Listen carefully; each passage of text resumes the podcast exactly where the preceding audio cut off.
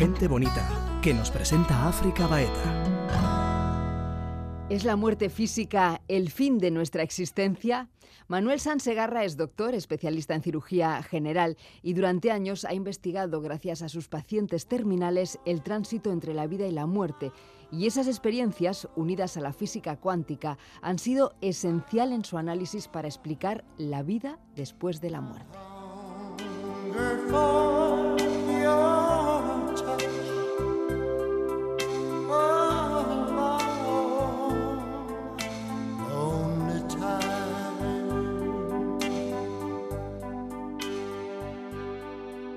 Es médico, cirujano, pero más allá de los títulos propios de el hacer, ¿quién es? Pues yo me considero una persona, un ser humano. Y esto quiere decir que soy una persona con una conciencia local, con una identidad propia de mi dimensión tridimensional, que es el ego. Y aparte de esto, me considero mi auténtica, auténtica realidad existencial es una conciencia no local, es una conciencia sutil que está por encima de esta conciencia tridimensional del ego. Yo al ego le llamo el no yo, mi auténtico yo es esta conciencia no local, mi supraconciencia, que es uh, la que realmente tiene capacidad de colapsar la energía en materia, es decir, la que realmente uh, tiene la capacidad de manifestarme mi realidad, la realidad material del mundo que me rodea. Podríamos decir que el ego es el enlace entre la conciencia y el cuerpo. Es una interfaz, es decir, actúa como una uh, televisión. La televisión recibe información en forma de uh, ondas electromagnéticas emitidas en un estudio, las coge y las transforma en imagen y sonido.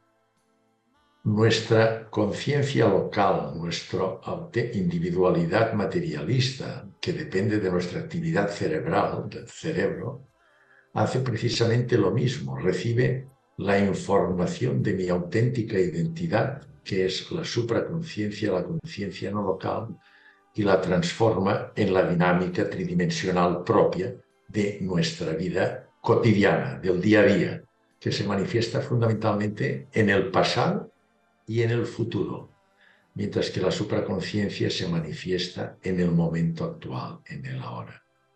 Antes de, de entrar en detalles, ¿qué es para usted la conciencia? Es un término difícilmente de, definible, no hay un acuerdo generalizado, pero a mí me gusta la definición aquella que dice que la conciencia nos proporciona el conocimiento de nuestra existencia, de nuestras reflexiones y de nuestros actos. Es decir, la conciencia de una manera más sencilla nos permite en cualquier momento saber quién soy, qué pienso, dónde estoy, qué hago, en qué entorno me muevo. Esto es la conciencia.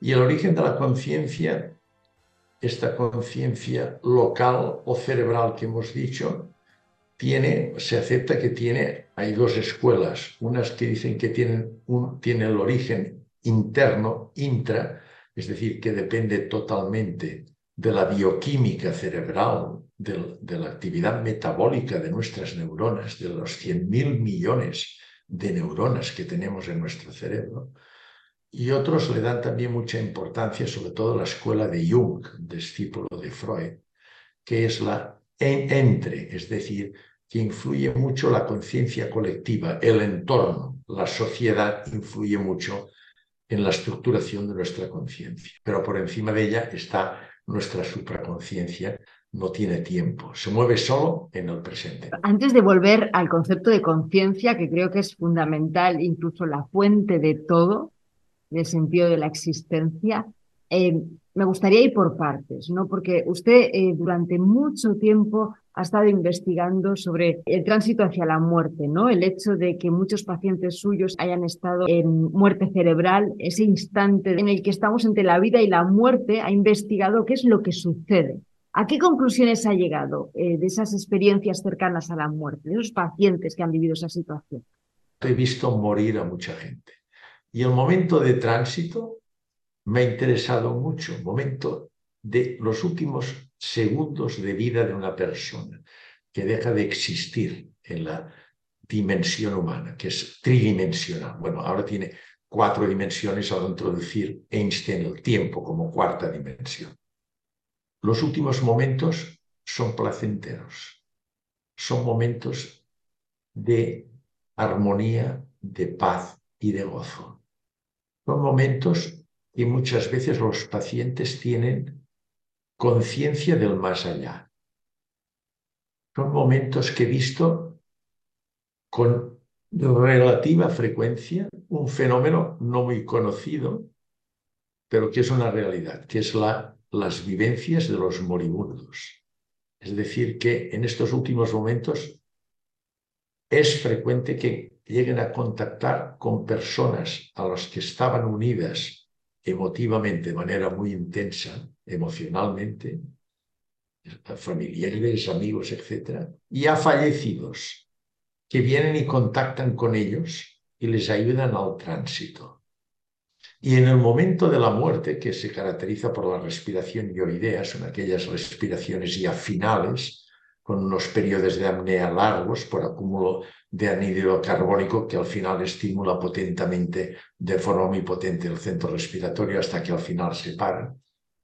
Entonces, yo le puedo asegurar, quizá porque me he interesado y porque tengo una especial sensibilidad, uno es consciente de que en el momento final de la muerte algo se va. Incluso la persona Seguro que usted y todo el mundo hemos tenido ocasión de vivir la muerte de seres queridos, un padre, una madre, un amigo. Y en el momento que se muere, usted lo mira y se da cuenta que ya no es su padre, ni su madre, ni su amigo. Es algo, es materia, es polvo de estrellas, es materia que nos ha cedido el universo durante un tiempo para formar nuestro cuerpo. Es una envoltura, un traje que nos ponemos durante un tiempo, pero nuestra auténtica esencia se va. Y usted ya ve aquello distinto, uno tiene sensación de que algo se va y ya no es la persona, es la envoltura y es el traje. Es una sensación que yo, la verdad es que soy consciente de ella. Es decir, que la muerte es esta separación final de nuestra auténtica identidad, que es eterna, holística y que forma parte de todo el universo, que durante un tiempo está dentro de este cuerpo, que es como una envoltura, un traje, y que cuando llega la muerte se va, se desprende y queda la materia, que es polvo de estrellas. Es aquel polvo que se originó hace 13.700 millones de años en el Big Bang y que originó todo el universo y de este polvo de estrellas que se originó durante un tiempo el universo nos cede unos billones de átomos para que hagan nuestro cuerpo y después lo devolvemos otra vez. Con lo cual eh, nos desprendemos de la materia, digamos, de esta envoltura en la que nos vivimos, pero regresamos a la fuente, a lo que somos. ¿Qué somos? Somos conciencia es esta conciencia no local. Es energía de alta frecuencia que no podemos nosotros detectar en nuestra dimensión humana, con nuestros órganos sensitivos y sensoriales. Y esta energía es eterna. Esto lo demostró ya Einstein y Stephen Hawking, dos grandes. Einstein, uh, físico teórico, premio Nobel, Einstein, Stephen Hawking, el otro, que falleció hace poco, tenía la cátedra de Newton, demostraron que en, dentro de la mecánica cuántica el tiempo no es lineal como es en el método científico materialista, que tiene pasado, presente y futuro. En mecánica cuántica el tiempo es circular.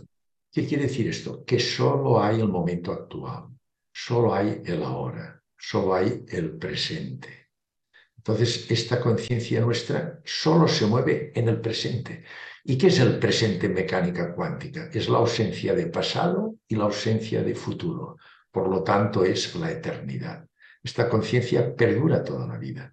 ¿Y esta conciencia qué es? Esta conciencia es la manifestación finita del infinito. Así es como la definen las, en las filosofías orientales. No sé si hay un Swami, que es un, monje muy evolucionado, Paramahansa Yogananda, no sé si han leído.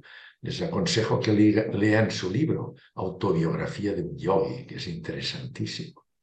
La define la conciencia como la expresión finita del infinito. ¿Qué es el infinito?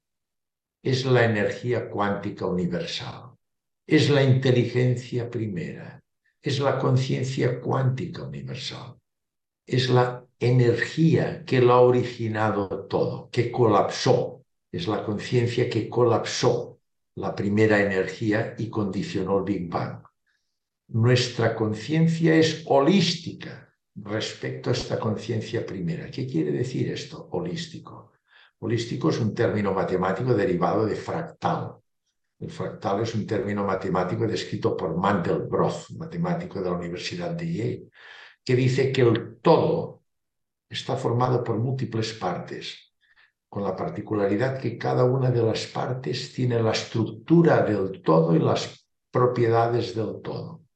Es decir, nuestra conciencia forma parte de la conciencia primera, es conciencia primera, es la expresión finita de, de la conciencia primera infinita, es tan bondadosa y amorosa la conciencia primera, la energía primera. Esta energía primera es el principio de todas las religiones. Unos, nosotros le llamamos Dios, otros le llaman Alá, Jehová, Tao, Brahman, llámele como quiera es el principio de todos, que es tan bondadoso, es tan generoso que se manifiesta en cada uno de nosotros. Tenemos conciencia que es energía, pero tenemos dos conciencias. La conciencia que hemos hablado de ella, local, neuronal, que es una conciencia, energía de baja frecuencia, que se debe a la actividad neuronal de nuestras neuronas. Y esta desaparece con la muerte. Esta depende de la vida de nuestras neuronas y nosotros diagnosticamos la muerte precisamente por muerte cerebral. En el momento que mueren nuestras neuronas, nuestra conciencia local, nuestro ego, que se manifiesta la individualidad de nuestra conciencia, es el ego, desaparece. La prueba de ella es que cuando usted inhibe las neuronas, desaparece el ego, desaparece su conciencia local. Por ejemplo, cuando cuando estás durmiendo, África, tú no eres consciente de ti. Has inhibido tus neuronas, no tienes ego en aquel momento. ¿Qué le han contado los pacientes que han tenido experiencias cercanas a la muerte? La experiencia cercana a la muerte tiene unas características. Es un fenómeno muy frecuente, son miles los casos descritos, tiene una estructuración lógica, todos, y hay unos aspectos que se repiten. Las variaciones son más de matiz de aspectos secundarios que no conceptuales. Los enfermos, otra característica es que se acuerdan toda su vida de este fenómeno, no se olvida nunca. Cuanto más tiempo pasa, más se acuerdan. Y por último, constituyen un impacto psicológico brutal para ellos, hasta el punto que cambia su concepción existencial.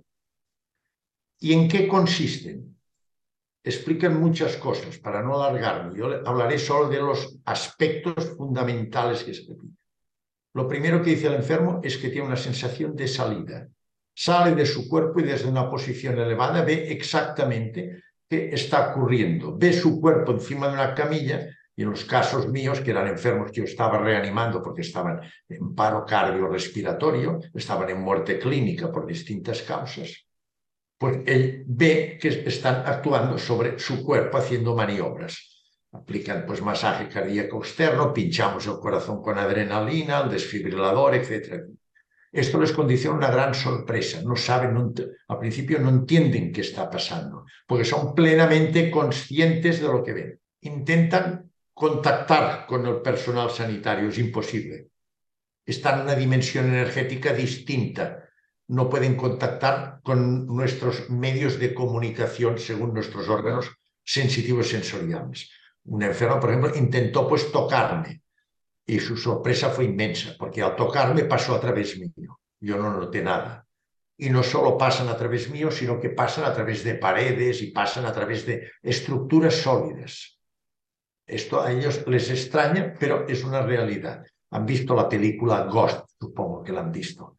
Allí se ve muy bien cómo pasan a través. Tiene una explicación cuántica perfectamente uh, lógica, este paso a través de estructuras sólidas, porque es una energía sutil. A continuación, después de esta fase primera, empiezan a notar cada vez una sensación más de paz, de armonía, de gozo. Es frecuente que contacten con unos seres que ellos le llaman seres de luz, que les orientan y les ayudan. Algunos enfermos contactan con seres queridos ya fallecidos, padres, hermanos, incluso hay casos de mascotas, fíjense usted, de mascotas. Y finalmente todos hablan de que ven una luz, después de un puente, un túnel, una oscuridad. Esto cambia estos aspectos, pero ven una luz y al contactar con la luz, la sensación de paz, de armonía, de gozo y sobre todo de amor insisten mucho en esto. Amor, amor, amor. Llegan unos dinteles jamás vivenciados en la dimensión humana. Es muy frecuente que nos digan que falta terminología en nuestro lenguaje para expresar la intensidad de las vivencias que están viviendo en aquellos momentos. También es frecuente que en esta situación tan tremendamente placentera como si fuera una pantalla, ven rapidísimamente los hechos fundamentales de su vida, pasada, presente, incluso futuro encontrándose en esta situación, los seres de luz les dicen, tienes que volver a tu dimensión humana porque no has terminado tu ciclo en la dimensión humana. Es muy frecuente que ellos digan, no queremos volver. Su situación es tan tremendamente placentera que quieren continuar quedándose en esta situación. Pero les dicen que tienen que terminar y tienen que volver. La entrada normalmente es algo brusca, y esto se explica porque hay una incongruencia de energías vibratorias. Ellos están en una vibración energética y su cuerpo está en otra. Y en el momento que entran es cuando nosotros volvemos a percibir funciones vitales, latido cardíaco, etcétera, etcétera. Esto es a grandes, rápido, para explicarlo rápido, grandes, los aspectos fundamentales que se repiten. Bruce Grayson, yo estoy en contacto con, hay una fundación en Estados Unidos, la Fundación Bruce Grayson, yo estoy en contacto con ellos, publicarán, publicarán un libro que salen cosas mías. Pues habla de una serie de ítems que se van repitiendo, habla hasta de 16 ítems. A veces es completa, los tienen todos, a veces tienen menos. Entre estos aspectos fundamentales hay muchos aspectos laterales que tienen menos importancia y que varían paisajes maravillosos, músicas que pueden oír también, es decir, otros aspectos, pero que ya no son tan trascendentes como son los aspectos básicos que le he comentado. Cuando nos morimos, ¿qué nos llevamos? ¿Qué se va? ¿Nos llevamos el éxito, la fama, el aplauso, la riqueza, el poder y el dominio? ¿Nos llevamos esto? No. Todo esto se queda. Todo lo material se queda aquí. ¿Qué nos llevamos cuando nos morimos? Nos llevamos vivencias, experiencias, aprendizaje, memoria. Venimos sin nada material, desnudos y nos vamos sin nada material. Pero cuando nos vamos nos llevamos vivencias, experiencias, memoria, aprendizaje.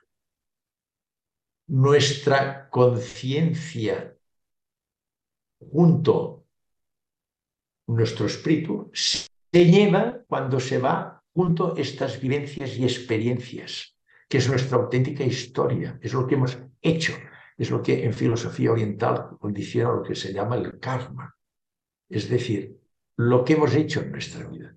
No sé si has oído hablar de Teilhard de Chardin. Teilhard de Chardin es un, un jesuita muy avanzado, casi lo, lo excomulgaron, lo desterraron por sus filosofías y sus principios, no, no le dejaron publicar sus obras hasta una vez muerto. Y él decía que nuestra existencia en la dimensión humana empieza en el punto alfa y termina en el omega. ¿Qué quiere decir esto? Que tenemos una serie de impurezas y durante nuestra vida vamos eliminando impurezas hasta que al final llegamos al punto omega, que es la santidad, la budeidad, la iluminación. Hemos eliminado. Este es lo que condiciona nuestro karma y es lo que condicionará nuestras futuras reencarnaciones. Es decir, que el alma es precisamente lo que nos llevamos, que hemos aprendido y que hemos hecho junto con nuestra conciencia eterna, con nuestra supraconciencia. Desde el punto de vista científico, ¿se puede demostrar que existe la reencarnación, que existen otras vidas? ¿Por qué cree tan, un, hombre como usted, ¿no? Científico, médico, cirujano, ¿por qué eh, habla con tanta certeza de la reencarnación? Es un tema muy polémico. Piense que existe en todas los principios, en todas las religiones existe. Piense una cosa, que hemos de diferenciar espiritualidad de religiosidad. La espiritualidad es la necesidad imperiosa que tiene el ser humano de que su supraconciencia, su auténtica identidad, que forma parte de la energía primera, tiene tendencia a regresar a su origen, adorar, a regresar a su origen, que es la energía primera, la conciencia cuántica universal. Esto es la espiritualidad y la tiene todo ser humano. En cambio, aprovechando o sobre esta necesidad de espiritualidad del ser humano, el ser humano ha estructurado las religiones según la idiosincrasia de cada pueblo. Por esto hay varias religiones. Y las religiones se fundamentan en dogmas. Y a veces los dogmas pueden en determinados momentos para obtener poder y dominio de la sociedad llegar a ir incluso contra los principios de la religión. Tenemos pruebas científicas de que realmente existen. Lean los trabajos de, de, de, uh, de Brian Wise, el trabajo de Jan Stevenson. Por ejemplo, Jan Stevenson recoge más de miles de casos de reencarnación. Y los más curiosos son en niños, en niños que no están tan materializados como nosotros, son niños que, curiosamente, querían ir a países que ni conocían de nada. Y llegan allí y conocen el país. Y no solo esto, sino que les sorprendió tanto que en un momento determinado se pusieron a hablar el idioma del país que no habían estudiado nunca. Esto está certificado, oficialmente demostrado. Con hipnosis avanzadas usted puede llegar, determinadas personas, llegar a revivir vidas anteriores. Es decir, que tenemos una serie de pruebas objetivas que nos demuestran cosas inexplicables como estos niños con la hipnosis. Y después hay otro aspecto importante, que es el aspecto moral. Y en esto habla mucho los mediums, las personas, los mediums y los videntes, sabe que son personas que tienen una capacidad de detectar energías sutiles que nosotros normalmente no podemos. por ejemplo, hubo un gran uh, medium, no sé si he oído hablar de Alan Kardec, tiene unos libros interesantes, el libro de los mediums, el libro de los muertos, le aconsejo que los lea. Y dice una cosa muy cierta, al contactar con espíritus, ellos contactan con espíritus. Y dice una cosa muy cierta. la energía primera, lo que nosotros llamamos Dios, es el Dios de que habla y lo expone muy claro Spinoza, gran filósofo. Es un Dios de perdón, de amor. ¿Usted cree que es justo que si en nuestra vida venimos aquí a ir eliminando impurezas hasta llegar a la, a la, al punto omega de dejar de Chardin, a la a la santidad, a la, iluminación, a la budeidad. Usted tiene las mismas oportunidades que un niño que nazca en medio del África que no tiene nada. ¿Es justo esto? Estamos analizando lo que somos desde una conciencia dual, ¿no? O sea, desde, una, desde el ego. Sí. Quiero decir, cuando yo me desprendo de mi identidad egoica, soy conciencia pues desaparecen mis vivencias como África y formo parte de, un todo. Esta supraconciencia, esta es perfecta, esta no tiene que mejorar nada, ya lo es todo, es conciencia primera, tiene todas sus propiedades, omnipresencia eterna, omniscencia, lo sabe todo, la intuición. La intuición es expresión de nuestra, de nuestra supraconciencia y es omnipotente, lo puede todo. En un momento determinado nuestra supraconciencia se viste de un cuerpo tridimensional, que tiene una conciencia local que tiene un ego y este ego se mueve mucho en la imperfección. Y entonces nuestra vida precisamente, que nuestra vida no es, no es un viaje programado, es una aventura, nos saldrán muchos obstáculos. Cada obstáculo es una enseñanza para que nosotros vayamos aprendiendo y eliminando nuestras, nuestras impurezas. ¿Por qué se ha hecho esto así? Esto nos han hecho de esta manera. Esto es un juego que ha montado la energía primera, ni más ni menos. Que en un tiempo determinado nos ponen un cuerpo con una mente que nos rige, que es ego materialista, llena de imperfecciones y que nosotros hemos de ir eliminando estas imperfecciones hasta llegar al punto omega. Esta, esta es, un juego y nos ha dado una cosa importante, el libre albedrío, la libertad. La libertad que solo la puede tener fuera del ego. Mientras esté dominado por el ego, no es libre depende de una serie de hábitos de carácter. El carácter está estructurado sobre unos hábitos que están en su subconsciente y que condicionan su dinámica, eh, su forma de vivir, su dinámica en la dimensión terrenal. Mientras usted esté condicionado por el ego, no es libre. Siempre actuará de acuerdo a estos hábitos que tiene inculcados. El método científico nos dice que nosotros estamos en el universo como observadores todo depende de las leyes naturales. Ya sabe usted que el universo en el momento del Big Bang se constituyeron las cuatro fuerzas del universo, que son la fuerza de la gravedad, la fuerza electromagnética, la nuclear fuerte y la nuclear débil. Todo depende de estas fuerzas.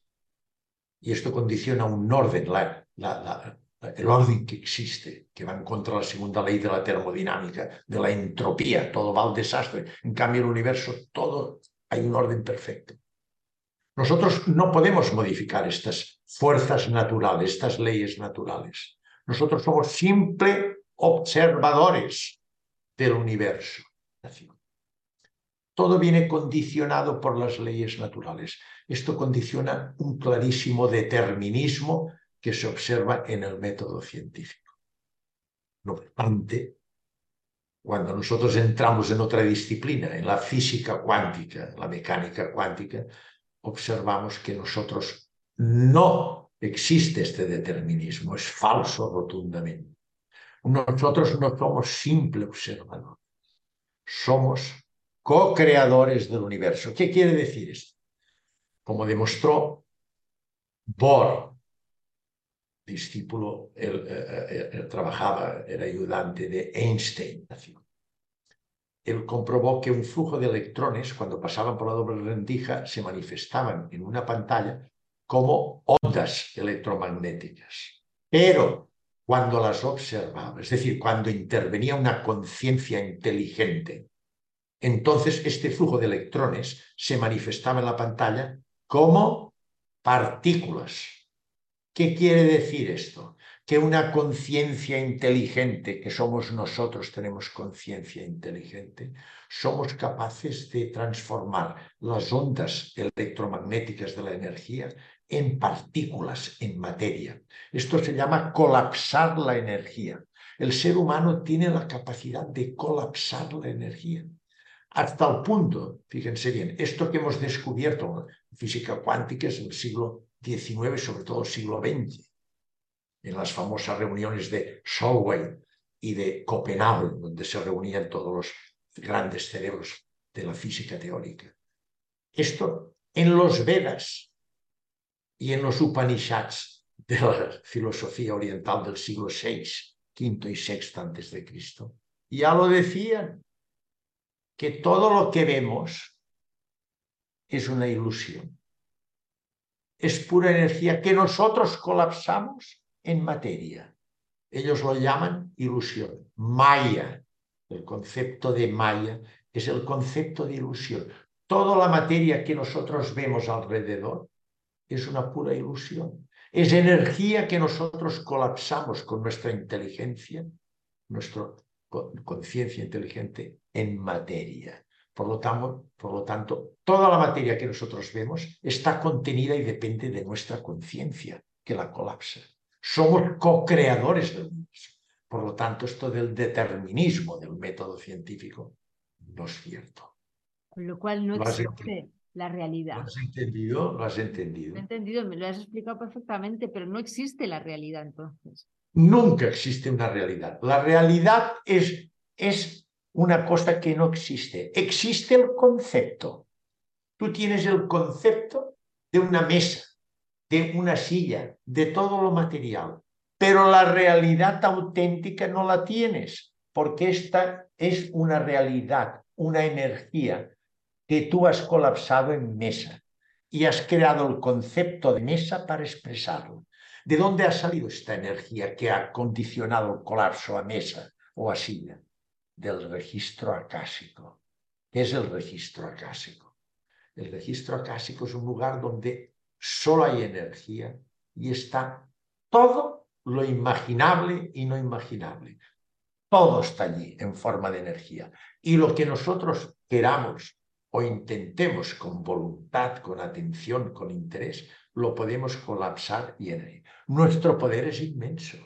Eh, tenemos un poder infinito. Lo podemos conseguir todo si queremos. Porque hay un registro acásico donde está todo. Y nosotros lo podemos colapsar en realidad material, tridimensional.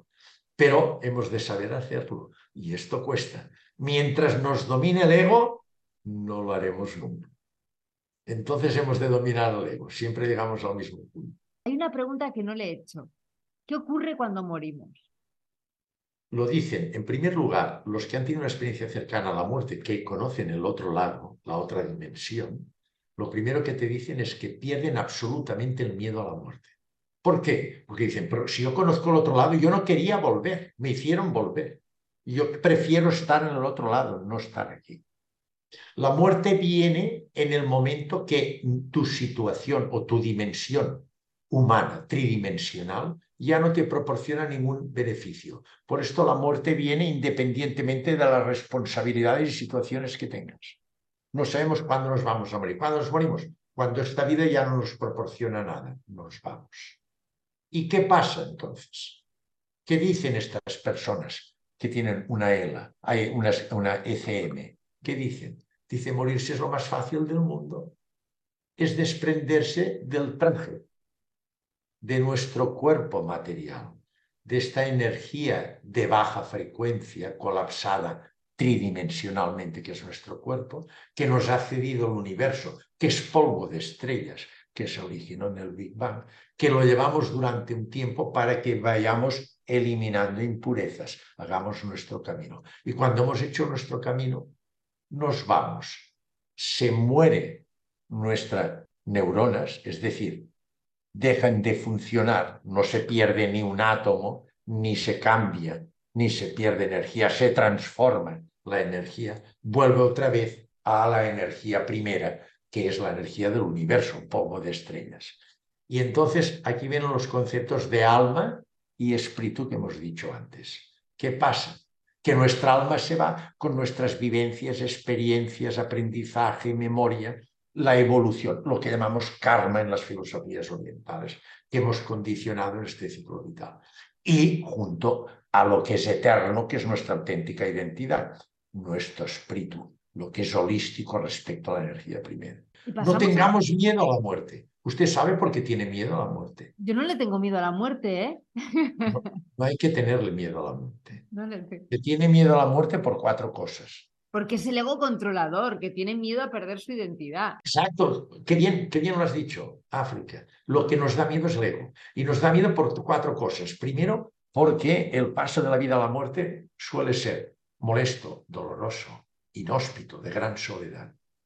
Todos hemos tenido un amigo, un familiar que hemos visto con un cáncer de páncreas, de esófago, cómo se van deteriorando, sufriendo, al final quedan piel y hueso y se mueren. Este paso es realmente molesto, todos los sentidos. Esto asusta. En segundo lugar, tenemos miedo porque no sabemos qué pasa.